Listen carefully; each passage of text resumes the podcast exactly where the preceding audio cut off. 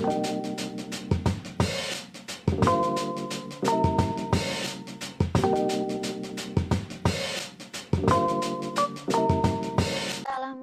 teman-teman. Selamat datang di podcast Rili Rili. Ketemu lagi nih sama aku Mili. Kali ini aku nggak sendirian loh, karena aku bakalan ditemenin sama temanku semasa kuliah psikologi di Universitas Gunadarma. Nah, Sobat Rili, langsung aja yuk kita sambut Trisna. Hai. Hai, akhirnya ya kita bisa berkesempatan juga bikin podcast bareng. Iya nih, aku excited banget buat podcast hari ini, Mel. Yaudah, langsung aja kita mulai kali ya. Yuk, boleh-boleh. Nah, Sobat Rili, pada podcast hari ini, aku dan Disna mau bahas tentang kebudayaan. Lagi, makanya nih, buat kalian ya, supaya kalian nggak ketinggalan ilmu yang bakal kita bagi hari ini. Jadi, Sobat Rili, Singkatnya, kebudayaan itu merupakan segala tingkah laku manusia dalam kehidupannya yang diperoleh dari proses belajar. Misalnya, cara makan, sopan santun, upacara perkawinan, hingga memilih pimpinan pun merupakan bentuk dari kebudayaan. Kebudayaan di Indonesia sendiri terdiri dari begitu banyak pulau. Bukan cuma itu loh, Indonesia juga memiliki kekayaan budaya yang begitu beragam. Kebudayaan Indonesia ini tentunya datang dari berbagai daerah. Dan tentunya di setiap daerah itu punya kebiasaan hidup, tradisi, dan ciri khasnya tersendiri seperti bahasa, pakaian, rumah adat, lagu daerah, dan juga tari-tarian. Betul banget, Sobat Rili pasti tahu dong ciri khas dari setiap daerah. Kita ambil contoh dari Sumatera Barat ya. Sumatera Barat ini mempunyai rumah gadang sebagai ciri rumah adat mereka. Keunikan rumah adat Minang ini terletak pada bagian atapnya yang meruncing ke atas dengan makna menjurus kepada Tuhan Yang Maha Esa. Lalu ada tari piring, tari payung, tari lilin, dan masih banyak lagi dari kesenian daerahnya. Ada juga satu hal yang selalu dicari oleh para pengunjung saat datang ke Sumatera Barat, yaitu masakan khasnya seperti rendang, dendeng balado, gulai kambing, dan masakan-masakan lainnya dengan bumbu khas yang begitu kental, membuat semua orang menjadi langsung lapar hanya dengan mendengar namanya aja. Betul banget. Kalau udah ngomongin rendang dan kawan-kawannya tuh memang bikin langsung ngiler deh. Nah, Sobat Lili, selain yang tadi Risa sebutin, juga ada kepercayaan-kepercayaan yang berlaku di masyarakat loh. Dan ada juga cara-cara yang sudah disepakati oleh mereka. Ketika masyarakat ini sudah menyepakati apa hal-hal yang dilakukan dan semuanya itu digabung, maka disebut kebudayaan juga loh. Misalnya kayak aku nih, keluarga aku tuh mayoritas berasal dari suku Sunda, tepatnya di Pandeglang, Banten. Di sana itu ada hal yang sering dilakukan setiap tahunnya. Biasa kita sebut dengan muludan atau maulid nabi. Jadi, ini tuh seperti pesta rakyat gitu, nak. Nah, nanti di setiap rumah berlomba-lomba membuat kerangka. Biasanya nih ada yang berbentuk musola, hewan unta, ka'bah, ataupun buat dari bambu. Nah, nanti nih mereka akan membuat kerangka menjadi semenarik mungkin. Kemudian, kerangka yang dibuat masing-masing rumah tadi itu akan dikumpulkan, kemudian digunakan untuk arak-arakan antar kampung. Lalu, di sore harinya masyarakat akan saling menghantarkan makanan. Dan pada malam hari, biasanya mereka mengadakan pengajian juga bersalawat bersama. Nah, ini sudah disepakati oleh masyarakat setempat.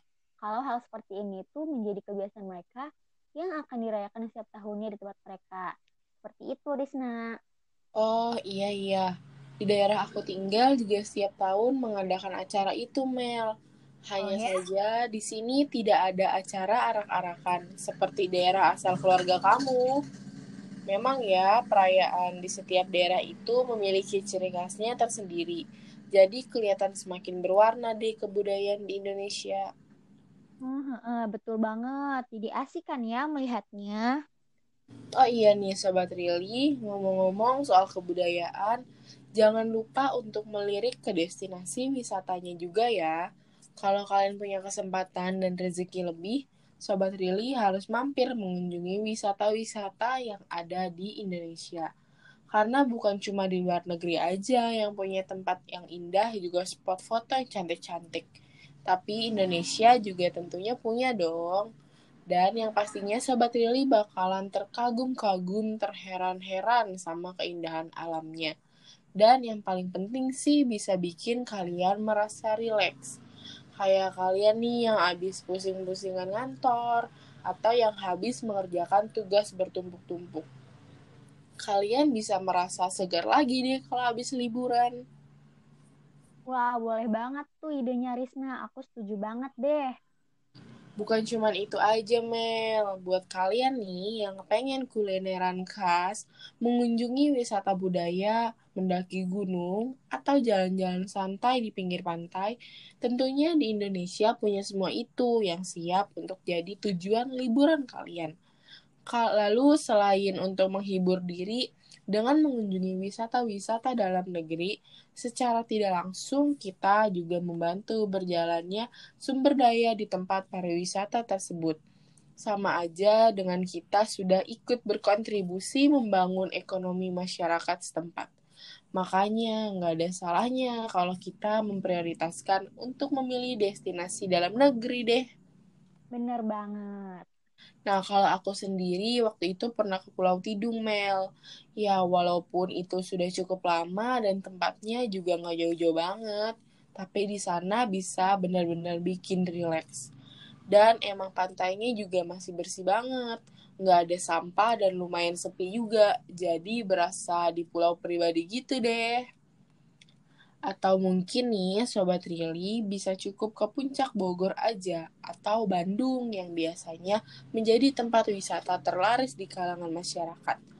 Baik untuk menghabiskan waktu akhir pekan atau yang sebentar lagi nih bakalan libur panjang akhir tahun. Itu bisa dijadikan kesempatan buat Sobat Rili bersama keluarga mengunjungi tempat-tempat wisata yang ada di Indonesia loh. Nah iya bener banget tuh apa kata Gisna. Ternyata nggak perlu jauh-jauh ya buat cuci mata melihat pemandangan. Cukup datang ke Pulau Tidung atau pulau-pulau terdekat di daerah kalian saja, atau mungkin cukup datang ke taman-taman bersama orang tersayang, atau juga tempat wisata lainnya yang terdapat di tempat tinggal kalian. Dan tentunya nih, yang harganya cocok juga ya di kantong sobat rilis semua. Ayo, jangan lupa juga nih, kita harus tetap menjaga alam kita ya, dengan tidak membuang sampah sembarangan saat berkunjung ke tempat wisata. Kalau memang di tempat yang kita kunjungi itu tidak ada, atau mungkin kurangnya tempat untuk membuang sampah, buang dulu aja ya. Atau kalau memang sampahnya cukup kecil nih, bisa dimasukkan dulu aja ke kantong kita, supaya tempat tetap bersih dan masih enak kandang. Nah, setuju banget. Dan satu lagi nih yang paling penting, yang Sobat Rili semua nggak boleh lewatkan, apalagi sampai dilupakan. Sobat Rili, di tengah pandemi ini, kalau kita mau berpergian harus tetap menjalani protokol kesehatan ya. Karena gimana pun juga, kita harus sama-sama mengurangi penyebaran mata rantai virus corona. Supaya kita semua bisa tetap nyaman dan aman liburan bersama keluarga kita.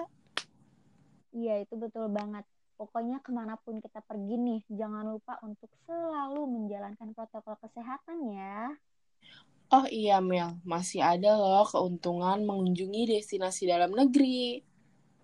Oh ya? Apa tuh? Selain membantu berjalannya ekonomi masyarakat setempat, kita juga bisa dapat ilmu baru loh. Seperti yang kita ketahui, kalau di Indonesia itu punya banyak daerah dengan ragam bahasa yang begitu menarik. Di setiap kegiatan wisata pasti diselingi oleh interaksi dengan banyak orang. Kalian pasti sering kan melihat, mendengar, atau bahkan mengalami langsung saat berkunjung ke tempat wisata daerah. Kemudian mengobrol dengan masyarakat setempat atau pengunjung lainnya dengan menggunakan bahasa daerah. Nah, saat kalian tidak sengaja mendengar obrolan tersebut, pasti akan ada beberapa kosakata dari daerah lain yang menyangkut di dalam ingatan kalian dong. Misalnya, saat ke daerah Jawa, kalian akan mendengar kata matur nuwun. Dari daerah Sunda, Hatur Nuhun. Dari Bali, Suksema. Dari Minang atau Sumatera Barat, terima kasih. Dan masih banyak lagi bahasa daerah lainnya. Nah, kata-kata yang tadi aku sebutkan itu artinya terima kasih. Kalian pasti nggak asing kan dengernya? Nah, ini sih sudah jelas banget ya. Bukan hanya mendapat kesenangan dari melihat indahnya alam, kita juga bisa dapat pengetahuan baru.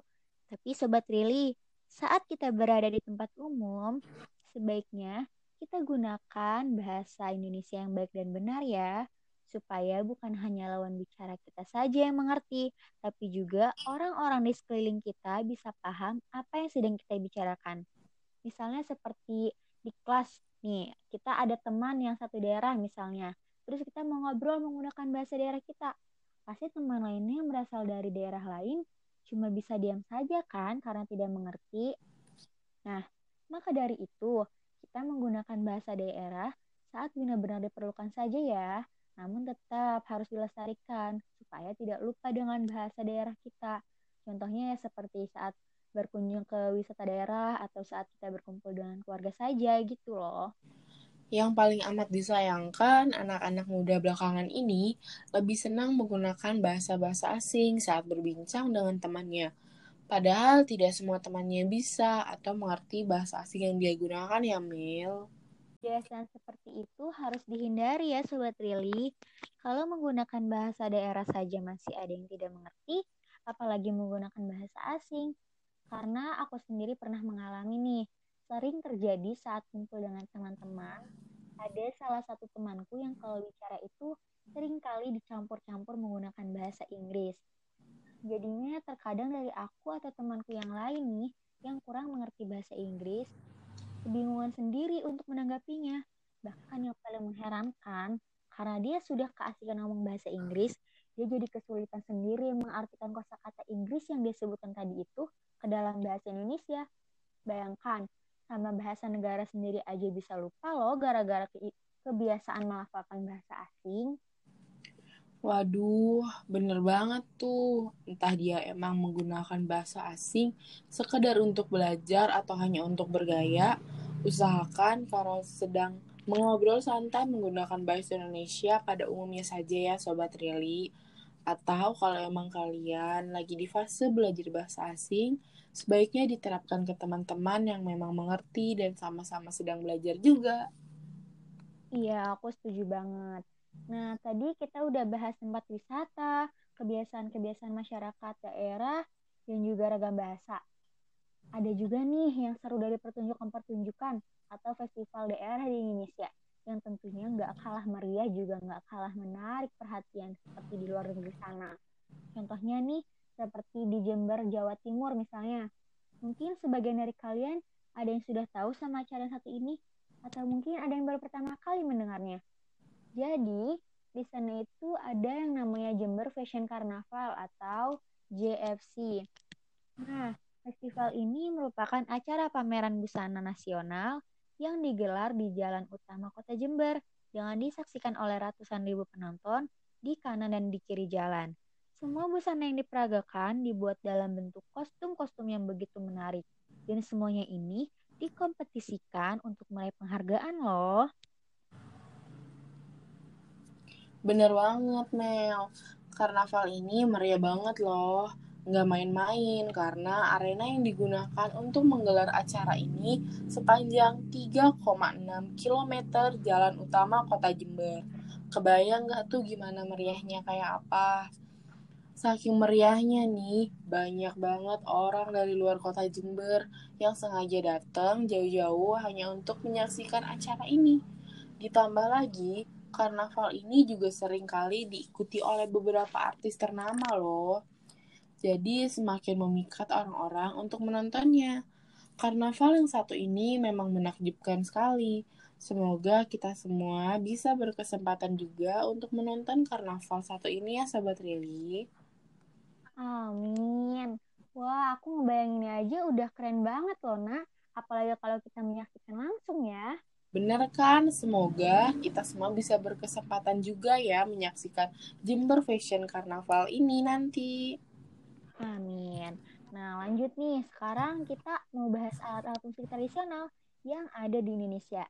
Sobat Willy, dari kita SD kan sudah mulai diperkenalkan ya dengan alat-alat musik tradisional. Jadi meskipun nggak banyak yang kita tahu, pasti tahu sedikit ya beberapa alat musik tradisional. Seperti salah satunya suling bambu. Sesuai dengan namanya, suling ini terbuat dari bambu ya. Alat musik ini berasal dari Jawa Barat. Selain suling, ada juga alat musik alat musik asal Jawa Barat yang terbuat dari bambu, yaitu calung, klung, kecapi, degung atau gendang, dan masih banyak lagi. Kalau dengar kata suling, yang teringat pertama kali di telinga aku itu musik Sunda. Bener nggak, Mel? Kan kamu orang Sunda tuh. Oh iya, iya, betul banget itu, nak. Aku paling senang tuh Mel kalau dengar musik Sunda dengan alunan suara sulingnya yang begitu khas, suara penyanyi yang merdu, ditambah tabuhan gendang atau kecapi. Aduh, itu adem banget didengarnya. Betul, karena aku darah Sunda nih, aku juga memang suka banget kalau udah dengar musik Sunda ada suling-sulingnya gitu deh, nak. Yang mungkin kalian semua udah tahu nih. Jadi orang Sunda itu zaman dulu kalau lagi di sawah, sambil nyantai di saung atau di gubuk gitu ya. Sambil nungguin ternak atau sawahnya, mereka biasanya duduk, mengobrol, sambil mainin suling. Ditambah dengan segelas kopi. Dulu itu kalau mereka eh, sulingnya ya, kalau denger tuh enak banget di telinga. Kalian bisa cari di YouTube gimana sih suaranya suling Sunda itu sama dengan instrumen-instrumen lain dari alat musik Jawa Barat. Biar kalian juga ikut terlena dengarnya. Sebenarnya sih tanpa buka YouTube pun Musik dengan alunan ini juga biasa kita dengar saat datang ke acara-acara nikahan orang Sunda. Nah, seperti ini ya suara musiknya aku maksud tadi.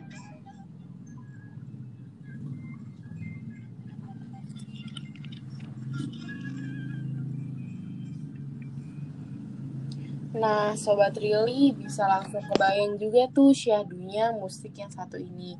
Cuma emang sekarang ini yang tadi Meli ceritain, orang mainin suling bambu sambil nyantai di saung tuh aku pribadi udah jarang nemuin ya. Mungkin karena sekarang zaman udah berkembang, jadi udah jarang orang mainin suling bambu. Dan lebih memilih menggunakan radio, handphone, atau speaker bluetooth untuk mendengar musik secara digital. Ditambah lagi dengan sudah adanya suling modern, jadi orang-orang sekarang pada umumnya seperti anak-anak sekolah lebih banyak menggunakan suling modern ini. Atau mungkin di kampung-kampung kalian masih ada beberapa orang yang, yang memainkan alat musik tradisional ini. Memang ya, seiring berjalannya waktu, zaman semakin canggih. Dari yang tadinya terbuat dari bambu, sekarang sudah ada bentuk yang baru, terbuat dari perak. Memang kalau dilihat-lihat, selain alat musiknya, semakin ke sini kebudayaan kita juga sudah mulai ikut luntur nih. Salah satunya seperti orang-orang zaman sekarang sudah mulai tidak merawat alam seperti dulu. Kalau orang zaman dulu, alam dimanfaatkan dan dirawat dengan baik untuk kebutuhan hidup. Berbeda dengan zaman sekarang, Justru banyak tangan-tangan nakal yang menebangi pohon dengan liar. Sampah yang dibuang sembarangan, yang padahal sedari dulu sudah diajari kalau kebersihan itu sebagian dari iman. Tapi orang-orang zaman sekarang semakin terlalu seenaknya terhadap lingkungan dan alam. Iya, benar banget. Selain itu, pada budaya-budaya asli kita juga sudah mulai pudar dan mulai tergeser dengan budaya-budaya modern yang memasuki ke Indonesia ini. Mulai dari tarian adatnya, yang sekarang ini kurang menjadi minat untuk para pemuda di Indonesia. Mereka sekarang ini lebih tertarik dengan tradian tarian-tarian modern. Alat-alat musiknya juga yang sekarang ini mereka lebih senang mempelajari piano, gitar gitar elektrik, dan dan yang sebagainya nasihat-nasihat dahulu yang sekarang kini sudah dianggap sangat kuno dan banyak sekali orang-orang yang sudah membodoh amatinya. Iya, padahal sebagian nasihat dari leluhur itu selain bisa melindungi alam juga bisa menyelamatkan diri kita sendiri kan ya Mel? Iya, itu benar banget. Contohnya nih kayak di suku Baduy yang masih menjaga tradisi mereka sampai sekarang ini. Kalian pernah nggak sih melihat jalan tanpa alas kaki, mengenakan baju kain sederhana dengan kain yang diikat di kepala? Mereka sebari membawa madu sebagai barang dagangannya. Kalian pernah lihat nggak? Atau Risna pernah lihat? Oh iya itu, emang belakangan ini sering lihat juga Mel aku. Nah, jadi nih yang aku tahu setelah membaca beberapa artikel sih, di suku Baduy itu ada tiga lapisan, nah, yaitu suku Baduy Dangka, Baduy luar, dan Baduy dalam atau Baduy jero bahasa Sundanya. Nah, yang pertama itu ada warga Baduy Dangka. Mereka ini sudah tinggal di luar tanah adat. Mereka tidak lagi terikat oleh aturan atau kepercayaan animisme Sunda Wiwitan yang dijunjung oleh suku Baduy sedari dulu. Selain itu, mereka juga sudah mulai mempelajari pendidikan dan paham akan adanya teknologi. Lalu yang kedua ada warga Baduy luar. Mereka ini masih tinggal di dalam tanah adat. Mereka juga masih menjunjung kepercayaan Wiwitan dan di tengah kehidupan mereka pun masih sangat tradisional. Namun, mereka ini sudah tidak sudah mulai sudah mulai melek akan pendidikan dan melek akan teknologi. Mereka ini yang bisa di, yang bisa dilihat dari pakaian yang serba hitam dan ikat kepalanya yang berwarna biru. Nah, yang sering kita jumpai itu mereka yang merupakan warga suku Baduy luar. Mungkin ini yang yang sering kita lihat ini yaitu dari warga suku Baduy luar. Kemudian terakhir ada warga suku Baduy dalam atau Baduy jero bahasa Sundanya. Berbeda dengan dua lapisan warga suku Baduy yang lain, mereka masih bermukim di pelosok tanah adat. Mereka berpakaian serba putih dan kepercayaan Sunda Wiwitan di sini masih sangat kental. Warga suku Baduy dalam ini dianggap memiliki kedekatan dengan leluhur. Mereka tidak mengenyam pendidikan, juga tidak melek teknologi. Bahkan tidak beralas kaki karena mereka merasa hidup yang apa adanya sebagai cara untuk tetap dekat dengan Yang Maha Esa. Seperti itu, Risna. Nah, mungkin kalian banyak yang bertanya-tanya, sebenarnya apa sih kepercayaan Sunda Wiwitan itu? Jadi, kepercayaan Sunda Wiwitan merupakan kepercayaan pemujaan terhadap kekuatan alam atau arwah leluhur yang dianut oleh masyarakat tradisional Sunda. Dan kepercayaan ini masih kental di suku Baduy bagian dalam yang tadi Meli udah jelasin. Nah, eksistensi suku Baduy dalam ini dilindungi oleh Baduy Dangka dan Baduy luar. Kedua lapisan ini bertugas menyaring hempasan informasi dari dunia luar, sehingga adat istiadat suku Baduy tetap terjaga. Oleh sebab itu, suku Baduy sangat menjaga kelestarian lingkungannya, dalam upaya menjaga keseimbangan alam semesta. Nah, dari sini harusnya kita bisa belajar ya dan bisa mencontoh sikap dari suku Baduy yang sampai sekarang ini masih masih melestarikan lingkungannya dengan tujuan supaya alam kita ini bisa terus terjaga sampai generasi-generasi muda berikutnya. Tuh. Kalian tahu gak sih ada aturan saat berkunjung ke desa Kanekes suku Baduy. Desa ini bisa dikunjungi melalui terminal Ciboleger sebagai perberhentian terakhir kendaraan bermotor.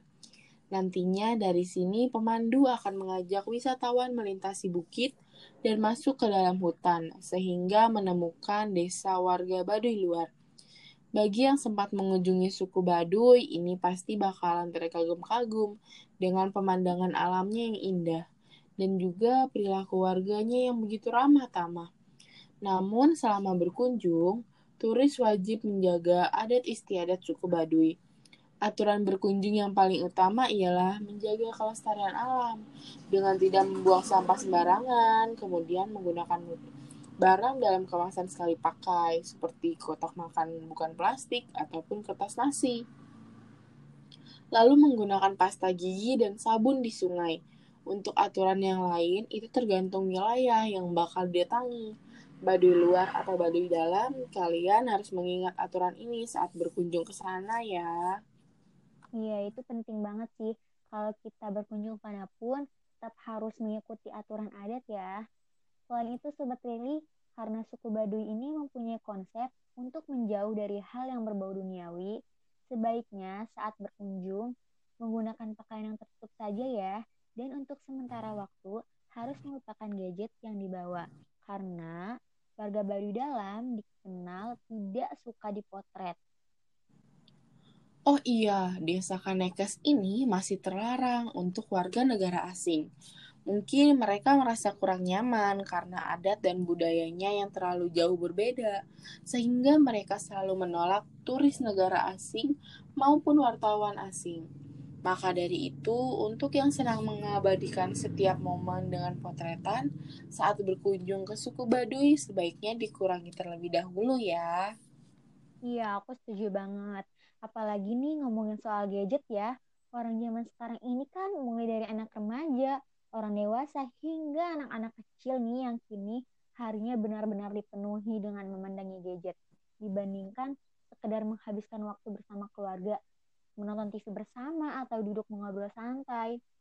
Sering kita jumpai kalau anak di bawah umur zaman sekarang ini sudah mulai tahu hal seperti game online, aplikasi-aplikasi video, dan yang lainnya. Pengaruh ini bisa membuat pudar moral yang ada di negara kita. Contohnya nih, ada anak muda yang lagi kumpul bersama teman-temannya atau sama keluarganya. Tapi saking asiknya mainin gadget, dia bisa lupa sama orang-orang di sekeliling dia. Dan hal ini malah membuat suasana menjadi canggung. Yang harusnya berbincang atau sekedar bercanda tawa, malah jadi asik sendiri karena mainin gadget. Sangat disayangkan sekali ya Sobat Rili. Padahal seharusnya waktu berkumpul itu menjadi momen yang mengasihkan belum lagi di zaman sekarang kan lagi ngetren tuh aplikasi-aplikasi video. Yang kalau kita perhatikan nih, banyak disalahgunakan oleh beberapa orang dengan membuat konten-konten yang tidak bermoral secara disengaja, hanya agar tetap dianggap kekinian. Contohnya kayak mengacungkan jari tengah, yang tentunya kita semua udah tahu kan kalau artinya itu kurang sopan untuk diperagakan. Dan mereka justru menjadikan itu sebagai kebiasaan mereka ada juga remaja-remaja yang sering melontarkan kata-kata kasar, kata-kata jorok di depan anak-anak kecil, sehingga sering kali kita jumpai di sekeliling kita banyak anak-anak kecil yang mulai menirunya. Maka dari itu, Sobat Rili, ada baiknya sebelum mengikuti perkembangan zaman, kita harus pintar-pintar memilah dan memilih, supaya tidak menjadi kebiasaan buruk dan merusak moral bangsa ya, Sobat Rili. Nah, sampai di sini Sobat Rilis sudah paham dong ya, kalau kebudayaan itu merupakan titipan dari nenek moyang yang harus kita rawat dan lestarikan, supaya anak cucu kita nantinya juga bisa merasakan keindahan dan kekayaan alam yang ada di Indonesia. Selalu menjaga lingkungan kita dengan tidak membuang sampah sembarangan dan tidak menebangi pohon sembarangan. Kita juga harus bisa beradaptasi dengan kebudayaan modern supaya tidak merusak moral generasi-generasi berikutnya dan tentunya harus tetap menjunjung tinggi kesopanan. Dan jangan lupa nih, meluangkan sedikit waktu kalian untuk mengunjungi wisata dalam negeri supaya peran objek wisata kita tetap bisa membantu perjalanannya pasar di Indonesia. Wah, Sobat Rili, tidak terasa ya, sudah 30 menit kita asik mengulik kebudayaan di Indonesia. Terima kasih kepada Rizna yang sudah menemani aku hari ini. Semoga di lain kesempatan kita bisa berbagi ilmu lagi seperti ini kepada Sobat Rili ya. Dan terima kasih juga buat Sobat Rili yang sudah mendengarkan podcast Rili Rili. Semoga apa yang kita sampaikan hari ini bisa bermanfaat untuk Sobat Rili di rumah. Buat kalian yang ingin kirim kritik dan saran, bisa banget DM ke Instagram aku di @meli_dwynt. Akhir kata, aku Aku dan temanku Risna mohon pamit, jaga kesehatan kalian selalu, tetap patuhi protokol kesehatan, dan semoga pandemi ini bisa cepat selesai. Dan kita semua dilindungi dari virus yang berbahaya. Sampai jumpa lagi. Wassalamualaikum warahmatullahi wabarakatuh.